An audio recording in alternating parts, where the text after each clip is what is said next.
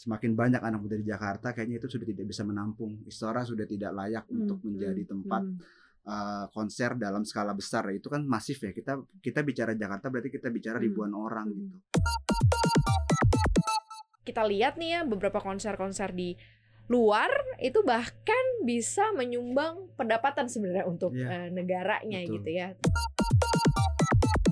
Yang paling harus diperhatikan kalau banyak penonton di sana adalah faktor keamanan gitu ya. Hmm. Jumlah tenaga keamanan itu harus dihitung. Misalnya satu tenaga pengamanan itu harus Bisa bisa, menangani berapa. menangani berapa Hmm. eh, orang gitu Hmm. kan. Selain masalah keamanan juga masalah kebersihan. Koneksi. Konten ekonomi seksi. Hai Sobat Cuan, selamat datang di podcast Cuap Cuap Cuan. Apa kabar Sobat Cuan di pertengahan minggu ini? Di hari kedua bulan eh, November Semoga selalu dalam keadaan yang oke Kantongnya oke Fisik oke Psikis juga oke ya Semua harus oke. Semua harus oke gitu ya Karena di November tinggal nanti Desember Kita kan ke 2023 ya 2023. Mudah-mudahan lebih oke lagi kondisi perekonomiannya Selamat datang di Koneksi Sobat Cuan Konten ekonomi Seksi. Idi, beda kan wajahnya. Kalau dia tidak usah ditanyakan ya sudah terlalu sering ya muncul menyapa sobat cuan. Tapi ada yang baru nih karena hari ini bersama dengan Mas Chandra Gian Asmara lo namanya ya. Chandra Gian Asmara. Ih bagus banget lo nama kamu. Editor CNBC Indonesia TV ya, Mas Chandra apa kabar? sehat Sehat ya. Dan ada Mas Adam Isa di sini, produser CNBC Indonesia Iya, TV. Oke. Kenapa hari ini ada Mas Chandra? Sebenarnya Mas Chandra ini editor makro ya. Mm-mm. Tapi kayaknya seru aja untuk ngebahas ini karena memang di kondisi saat ini di tengah orang-orang eh, mungkin di berbagai macam belahan dunia butuh apa sih anak-anak sekarang ngomongnya healing, hiburan, hiburan. ya kan? Tapi justru kita malah menemukan berbagai macam eh, tragedi yang justru malah tidak mengenakan. Di Indonesia sendiri kita baru aja lepas dari kondisi tragedi di Kanjuruhan. Terlepas sekarang masih berproses ya. Waktu itu kita juga sempat kasus bahas. hukumnya ya. Kemudian eh, kita ke Korea Selatan kemarin eh, festival di Taiwan yang kok bisa gitu ya Halloween Festival. Halloween Di Festival tempat sempit tapi orangnya Ya. Dan katanya ada apa provokator lah yang katanya membuat jadinya mereka berdesak-desakan gitu ya. Walaupun kita nggak tahu juga. Terus kemarin juga baru update terakhir berita terbaru adalah dari Gujarat karena mereka ada eh, di India ya festival eh, Diwali Iya, Wali. di sebuah jembatan yang pemerintah kan sendiri mengatakan bos baru selesai direnovasi setelah enam bulan tapi kok malahan ah, putus kemudian malah justru malah Overkapasitas. over capacity dan ada lagi tragedi di sana. Nah akhirnya di Indonesia juga lagi jalan nih di Jakarta ya khususnya ya lagi ada festival uh, berdendang bergoyang gitu ya dan ternyata banyak juga festival-festival lain yang gue cuma lihat via Instagram. Honestly karena gue nggak ikut di sana. Mas Adam sama Mas Chandra mungkin bisa cerita ya gitu ya. Sebenarnya sudah hype-nya sudah seba- sebalik apa sih sekarang setelah pandemi dan masa sekarang nih uh, festival-festival musik gitu di Indonesia.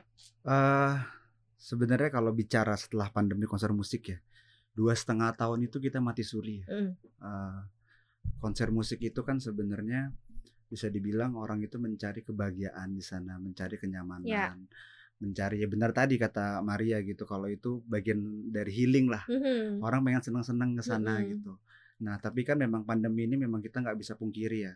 Itu memukul semua gitu. Kita ada PPKM, kita diperketat semua aturan, kita nggak bisa ke mana-mana. Nah, ketika mulai muncul eh, pandemi sudah mulai reda, Mhm. kasus mulai turun, eh, pelonggaran-pelonggaran itu sudah eh, aturan itu mulai dilonggarkan. Itu kan artinya orang semakin pengen, aduh, kayaknya gue harus Bisa nih gitu Iya, ya. bisa nih untuk untuk Nongkrong lagi, happy happy kumpul lagi, lagi, nongkrong nongkrong mm. lagi. Orang tuh udah udah jengah lah, udah Mm-mm. jenuh dengan aktivitas yang begitu-gitu aja gitu. Jadi memang dalam terutama dalam beberapa bulan terakhir ini banyak banget konser-konser musik ya yang baru ya. Mm. Ya, kita bicara soal Synchronize, We The Fest Yes. dan terakhir pun ya Pesta Pora juga ada gitu. Itu Itu rata-rata emang di Jakarta ya kalau Indonesia. rata-rata memang di Jakarta gitu karena memang skupnya kan banyak di sini meskipun di daerah lain pun memang sudah banyak nih promotor-promotor yang gelar konser kayak misalnya Mhm. tapi memang skupnya nggak sebesar di Jakarta gitu jadi memang kalau kondisi sekarang memang sudah mulai ramai dan kondisinya mungkin adalah eh, sudah mulai jengah ya. Mhm. masyarakat sudah mulai pengen happy happy jadi eh, menurut saya sih dalam kondisi sekarang itu memang sudah waktunya Hmm, karena memang mhm. kita tahu eh, dua setengah tahun itu bukan waktu yang sebentar lah. Ya betul betul. Kita semua terkekang semua kita nggak bisa Mhm. ngapa-ngapain dan, Dan sempat juga ada eh, sedikit apa ya keluhan juga dari teman-teman industri musik yang susah Betul. gitu ya betul kondisinya karena mereka susah mau berkarya juga susah gitu. betul. Tapi kalau kita bicara hype nih, ketika lo datang ke konser dan festival musik emang udah balik lagi. Artinya ya hype itu ya mereka yang udah tanpa tanpa apa Tanpa jarak, tanpa dan masker tanpa masker gitu ya. Apa memang tanpa hype-nya gitu? protokol kesehatan Mm. Iya nggak Ya? Lo memang- terakhir apa nonton apa?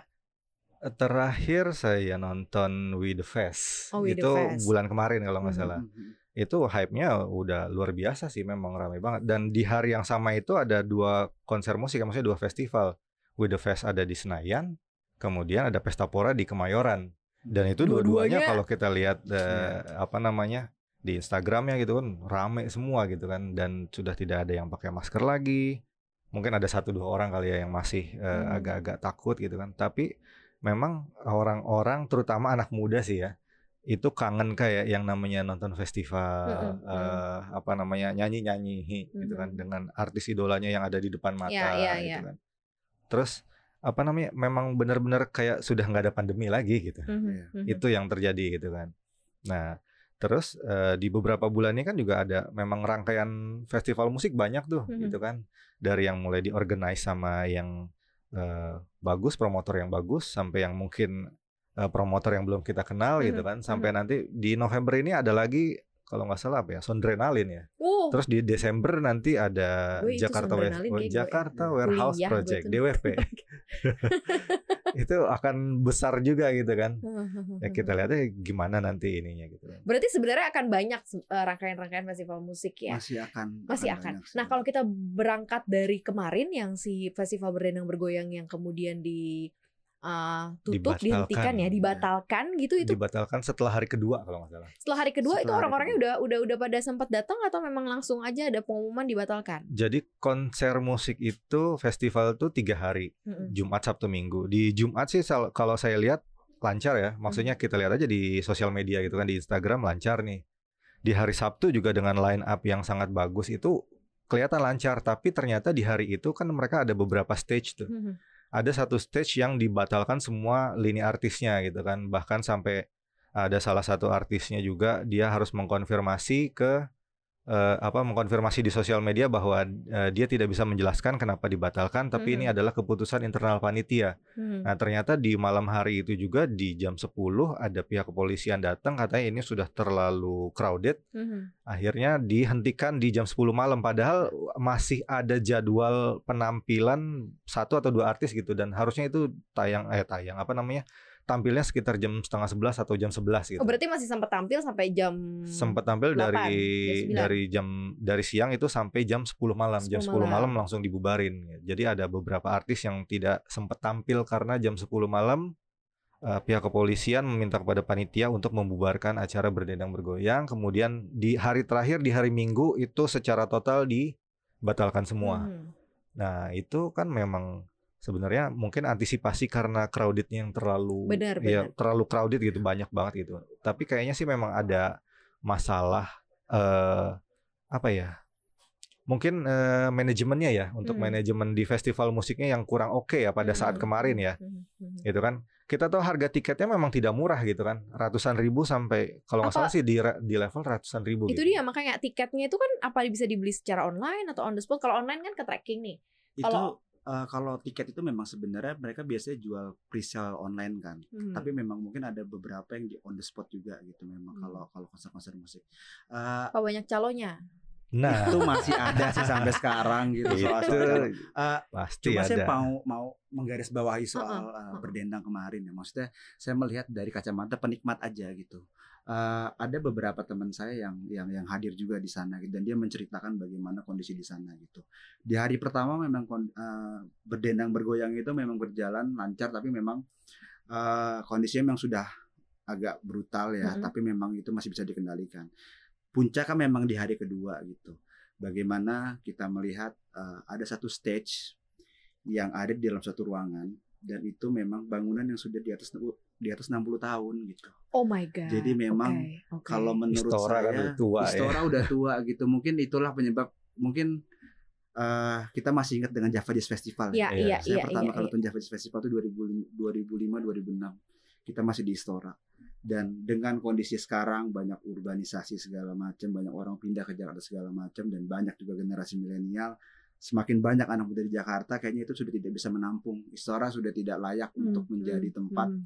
Uh, konser dalam skala besar itu kan masif ya kita kita bicara Jakarta berarti kita bicara Hmm. ribuan orang Hmm. gitu Uh, polisi juga udah bicara soal ini dan memang salah satunya adalah ada unsur kelalaian di sini dari Oke. pihak promotor gitu sebenarnya kita kalau bicara soal promotor ya, mungkin Mbak Maria atau Mas E juga tahu kalau kita punya Java Musik Indo ya punya. Adi Subono the biggest one itu Iya, yang kita juga. bicara mengenai uh, promotor yang profesional, Mm-mm. pengelola acara yang super profesional gitu. Bagaimana dia bisa bikin acara yang sukses. Sukses Mm. itu bukan hanya dilihat dari uh, seberapa besar pundi-pundi keuntungan yang bisa mereka dapatkan, tapi bagaimana konser itu berjalan dengan lancar. Mhm. uh, orang yang datang ke sana pun bisa mendapat apa yang mereka mau gitu. Kita bicara di Korea Selatan kemarin bagaimana di Taiwan. kepadatan Mm. itu bisa bikin atau di Kanjuruhan itu Mm.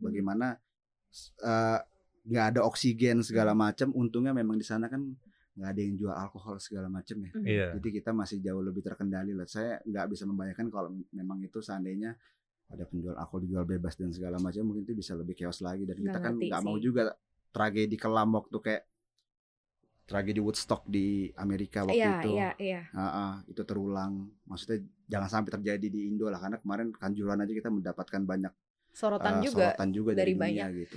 dan memang mungkin itu sebagai satu langkah antisipasi juga karena pemerintah mungkin melihat ya ada Betul. ada banyak sekali tragedi yang terjadi di Iya. luar dan belajar juga dengan apa yang terjadi di uh, Malang gitu ya Iya. makanya coba di stop gitu konser. Tapi Mm-mm. kalau kita bicara mengenai konser kan kita berharap sebenarnya ayolah gitu saling patuhi bersama Iya. supaya ini bersinambungan. Mm-mm. Karena kan ternyata efek dari pengadaan uh, konser itu banyak ya ke mana-mana bukan hanya dari penjualan tiket, bukan hanya artisnya yang juga Betul. akhirnya bisa kembali lagi menyambung gitu kan Mm-mm. penghidupannya.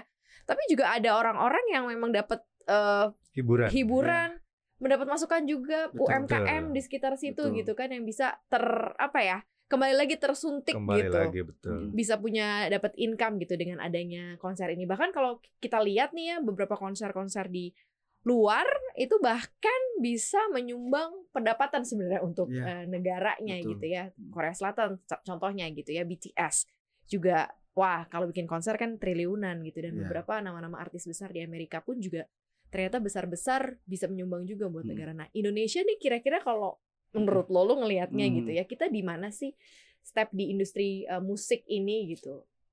Bentuk perhatiannya, Ah. supportnya, dukungannya, bisa nggak sih kita kan sekarang mungkin lingkupnya masih di Jakarta, mungkin Iya, iya, besok iya. Jakarta, eh, Hmm. Bandung, Jogja gitu hidup Iya, iya. secara bersamaan. Mm. Bahkan artis-artis luar nggak harus lah konser di Jakarta, Hmm. mungkin bisa nanti konser di Kupang gitu misalnya. Jadi semua orang jadi jadi kan itu sebagai Iya. salah satu rantai uh, perekonomian yang bisa menghidupi daerah sebenarnya di Betul. Indonesia. Mm.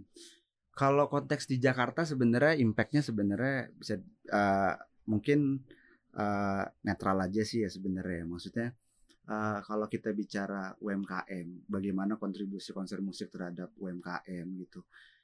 Eh, kita bicara kayak gini aja deh, kayak eh, contoh eh, kemarin berdendang aja deh, itu kan sampai 20 di atas 20 ribu orang yang datang di sana.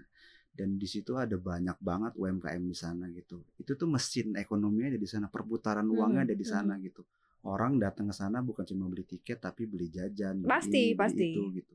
Dan kita juga tahu ya kalau UMKM itu kan kontribusi terhadap PDB itu cukup besar ya. Maksudnya di atas 60% bahkan Mhm. 61% gitu. Itu bisa menyumbang dan itu kan bisa menjadi tiang penyangga di saat sekarang orang takut resesi, orang Mhm, takut dengan mhm. kondisi global kita ngelihat era suku bunga tinggi, ya inflasi, stagflasi gitu. Jadi ini sebenarnya mau momentum tepat sih, tapi memang kalau menurut saya perlu ada bantuan lebih dari pemerintah.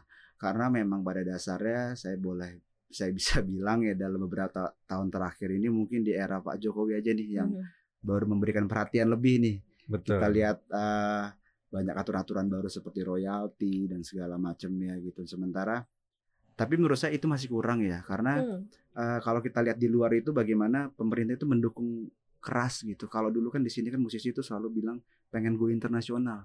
Mm-mm. Kita ingat Agnes Monica selalu bilang go internasional, Yes, go internasional. iya, iya. Tapi akhirnya Agnes pun keluar pun dengan caranya sendiri. Dengan caranya sendiri. Betul. Apa biayanya sendiri Nah, gitu. padahal eh, saya bisa bilang musik kita tuh nggak ja, nggak sangat bagus ya, eh, nggak kalah lah Nggak dibandingkan kalah. dibandingkan eh, negara lain gitu. Maksudnya bahkan banyak anak-anak muda sekarang yang eh, punya musikalitas yang bagus gitu, dan Hmm. itu bisa disejajarkan dengan mereka gitu. Dan menurut saya itu nggak eh, bukan suatu keniscayaan lah kalau mereka masuk top 100 Billboard itu itu Mhm, menurutku mhm, itu mhm.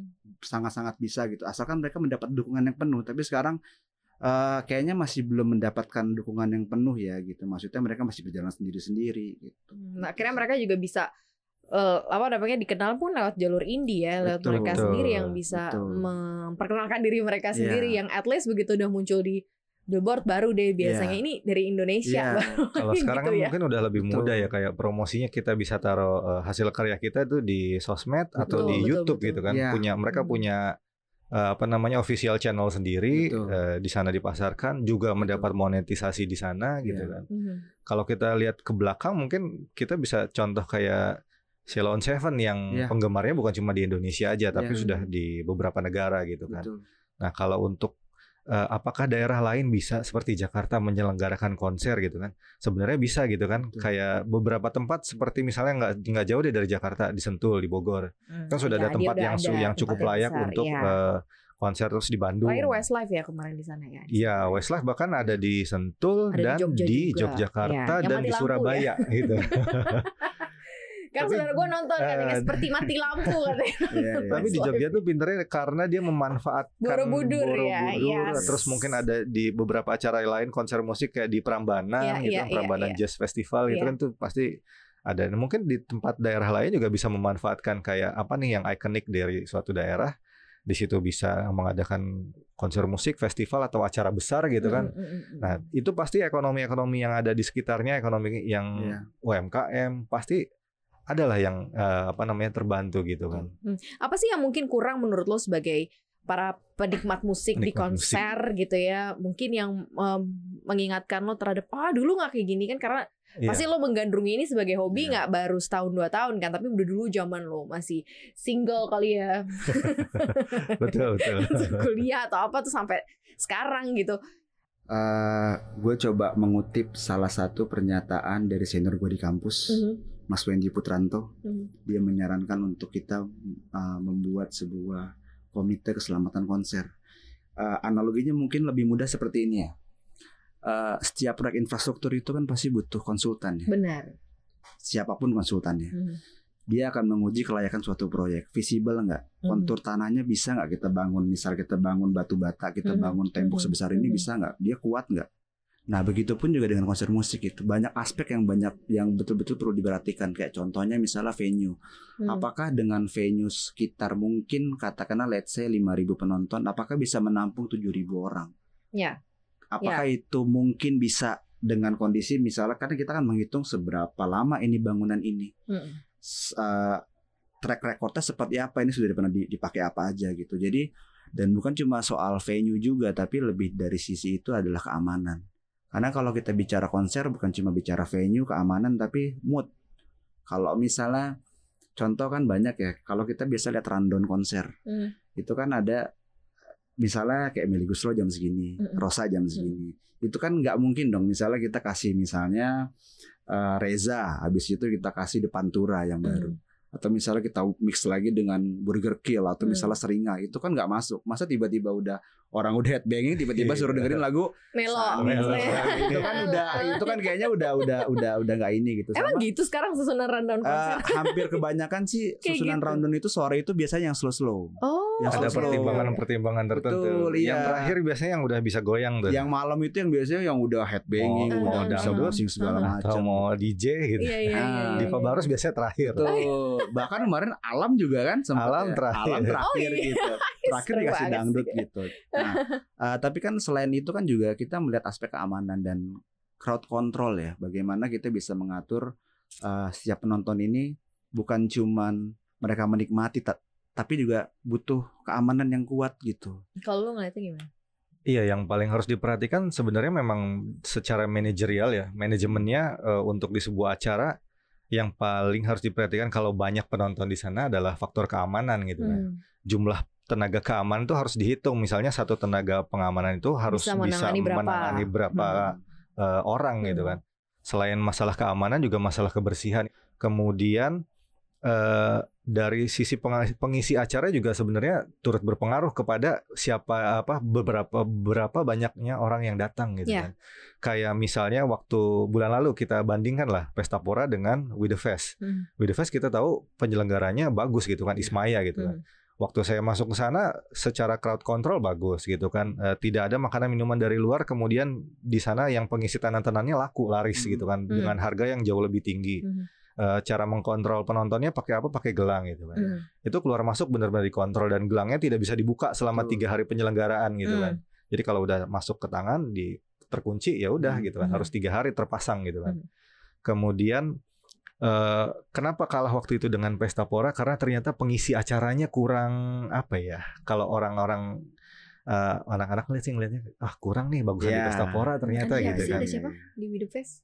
With the Fest banyak yang bagus-bagus, Banyak ya. ada Tapi ada nggak kurang kekinian gitu maksudnya anak-anak. Bukan, maksudnya lininya itu apa pengisi acaranya masih kalah Oh. Sama dengan Pesta pengisi Pora. acara di. Pesta Pora gitu. Jadi orang-orang eh, pas ke Pesta Pora itu mereka lebih merasa terpuaskan dengan eh, para penampilnya gitu kan. Hmm.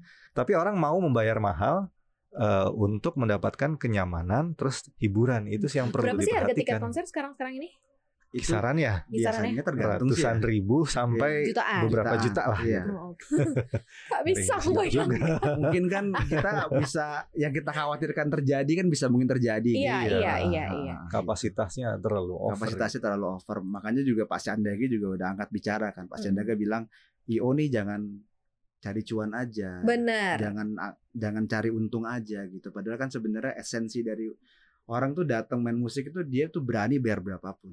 Kalau dilihat dari geliatnya sih happy ya sebenarnya ya. Betul. Ketika dua setengah tahun vakum, Iya. kemudian sekarang sudah mulai lagi Gitu. uh, dimulai gitu ya. Iya. Geliatnya Orang-orang oke. kangen dengan Orang-orang hiburan kangen. dan Iya. suasana Dan festival ternyata yang kalau dilihat dari side effect uh, daya belinya pun terpenuhi Banyak, gitu banyak, banyak, banyak. ternyata oh jualan konser jualan ratusan ribu tuh masih affordable lah buat anak-anak Jakarta sekarang tuh. Di tengah sekarang. kondisi Iya, betul. inflasi tinggi BBM Betul. naik gitu tapi ternyata orang juga masih masih bisa entah itu Iya. mau dibela-belain entah memang udah punya budget khusus ya we Iya. never know tapi ternyata geliatnya juga oke gitu Betul. ya Kita lihat masih ada beberapa konser ke depan. Iya. nah itu Di dia bulan November masih ada Soundrenalin kalau nggak Iya. salah. Hmm. betul. Di awal Desember ada DWP. Mhm. Belum lagi ada konser BTS nanti. Iya. Aduh. Banyak ya. Thank you banget udah dengerin konten kita hari ini. Jangan lupa untuk dengerin konten podcast kita lainnya di mana aja. Mas Adam. Iya, jangan lupa saksikan kontennya cuap-cuap cuan di Spotify, Apple Podcast, Google Podcast, dan juga Anchor. Jangan lupa follow akun Instagram kita di @cuap underscore cuan dan juga subscribe YouTube channel kita di cuap cuap cuan, di like, di share dan juga juga di komen ya. Dan konten kita juga tayang di CNBC Indonesia TV pastinya. Thank you banget sobat cuan sehat-sehat terus. Maria pamit. Chandra pamit. Adam pamit.